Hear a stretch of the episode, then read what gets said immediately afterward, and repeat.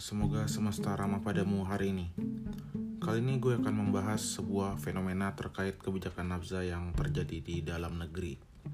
Kamis lalu, 18 Juli 2019, Ginan Salman, kontributor kompas.com dari Surabaya, memberitakan bahwa calon pengantin di Jawa Timur diwajibkan untuk menjalani tes urin sebelum menikah. Peraturan ini dibuat oleh kantor wilayah Kementerian Agama Jawa Timur setelah membuat sebuah MOU dengan BNN Provinsi Jawa Timur. Regulasi ini akan mulai diberlakukan pada awal Agustus 2019 ini. Argumen Kanwil Kemenak Jatim yang mendasari keberadaan tes ini ialah hal ini diperlukan untuk mempersiapkan generasi emas di masa mendatang. Skemanya adalah calon pengantin harus melakukan tes urin terlebih dahulu. Tes urin ini nampaknya harus dilakukan secara mandiri oleh calon pengantin. Hal ini menjadi wajib untuk pendaftaran perkawinan di 38 KUA di Jawa Timur. Menurut Muhammad Amin, pelaksana tugas Kepala Kanwil Kemenak Jawa Timur, hal ini tidak akan membatalkan perkawinan. Setelah perkawinan dilaksanakan, pengantin yang diketahui positif mengonsumsi narkotika berdasarkan tes urinnya harus menjalani rehabilitasi dari BNN Provinsi Jawa Timur.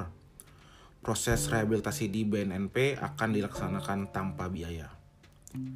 Sebelum gue mulai membahas hal-hal yang bermasalah dari inisiatif tersebut, Badan Narkotika Nasional sendiri pun membuat pernyataan yang mengkhawatirkan terkait hal ini.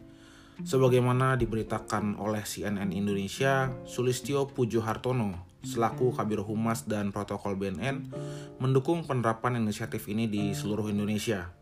Menurutnya hal ini akan membantu upaya pemberantasan narkotika karena membantu BNN untuk menggiring pemakai narkotika untuk melakukan perawatan.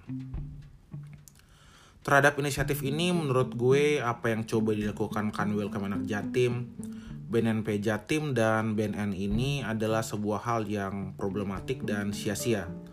Setidak-tidaknya ada tujuh hal yang membuat gue merasa hal ini sangat bermasalah. Tujuh. Jangan kabur ya. Kita mulai. Pertama-tama tes urin itu sendiri. Tes urin tidak dapat menyasar seluruh jenis narkotika yang berada di lampiran undang-undang narkotika saat ini. Biasanya hanya beberapa jenis narkotika di golongan satu yang kerap ditemui di tengah masyarakat untuk kanabinoid sintetik misalnya yang lebih dikenal dengan nama tembakau gorila, Hanuman, Ganesha dan kawan-kawannya itu tes urin belum bisa mendeteksinya sepanjang pengetahuan saya. Untuk itu dibutuhkan serangkaian tes yang lebih komprehensif seperti tes rambut ataupun tes darah. Yang kedua, ekonomi. Siapa yang harus membayar tes urin ini? Jika tes dilakukan secara mandiri oleh calon pengantin, maka mereka dong yang harus mengeluarkan uang untuk ini. Perlu dipahami bahwa per hari ini biaya lab di rumah sakit untuk melakukan tes urin berkisar dari 80 ribuan hingga 500 ribu rupiah. Bagi beberapa orang, angka segitu mungkin tidak seberapa. Tapi untuk banyak keluarga di negeri ini, itu tetaplah beban finansial yang besar. Kalaupun misalnya BNN memberikan layanan tes urin gratis di kantor-kantornya di provinsi, kabupaten, dan kota, Bukankah ini artinya BNN harus meningkatkan anggaran belanja? Belanja pegawai untuk melakukan tes, belanja untuk pengadaan pelatihan bagi pegawai-pegawai tersebut, dan yang paling penting adalah belanja terhadap alat tes urin ini. Silakan resapi ini ya.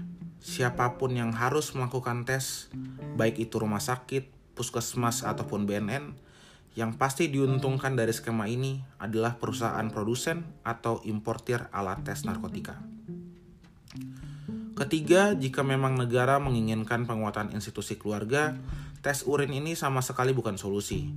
Ia adalah strawman policy terhadap banyaknya isu sosial ekonomi yang harus dihadapi keluarga-keluarga Indonesia. Jika memang penguatan institusi keluarga menjadi sebuah hal yang sangat penting, rasanya lebih bermanfaat apabila pemerintah mengadakan serangkaian pelatihan tentang perencanaan keuangan, menjadi partner yang suportif, parenting, dasar-dasar KPR, menjadi wajib pajak yang bertanggung jawab, problem solving, entrepreneurship, higienitas, kekerasan dan perkosaan dalam rumah tangga, dan hal-hal lain yang esensial dalam urusan berumah tangga banyak sekali hal yang lebih penting. Pemakaian narkotika per se bukan akar dari segala masalah di negeri ini. Keempat, tes ini berpotensi menimbulkan banyaknya penyalahgunaan posisi dan wewenang, baik dari pihak penyelenggara tes ataupun KUA. Seorang pemakai narkotika karena banyak alasan mungkin sekali untuk menginginkan hasil tes yang negatif. Keinginan yang bisa terwujud oleh orang-orang yang mau menukarkan kewenang mereka dengan sedikit rupiah. Kelima, konsep ini tetaplah sebuah rehabilitasi paksa.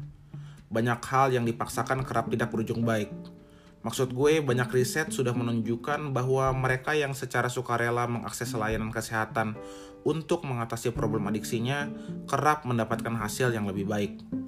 Selain itu, rehab paksa sebagaimana yang sudah gue jelaskan di episode sebelumnya adalah pelanggaran hak asasi manusia, terutama hak atas kesehatan, yang juga memaktub bebas dari pemberian layanan kesehatan yang tidak konsensual.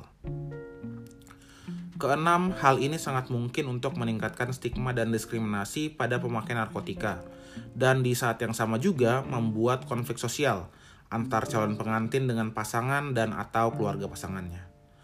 Hal ini diakibatkan rawannya kebocoran informasi terkait hasil tes tersebut, entah dari penyelenggara tes, KUA, atau pihak-pihak lainnya.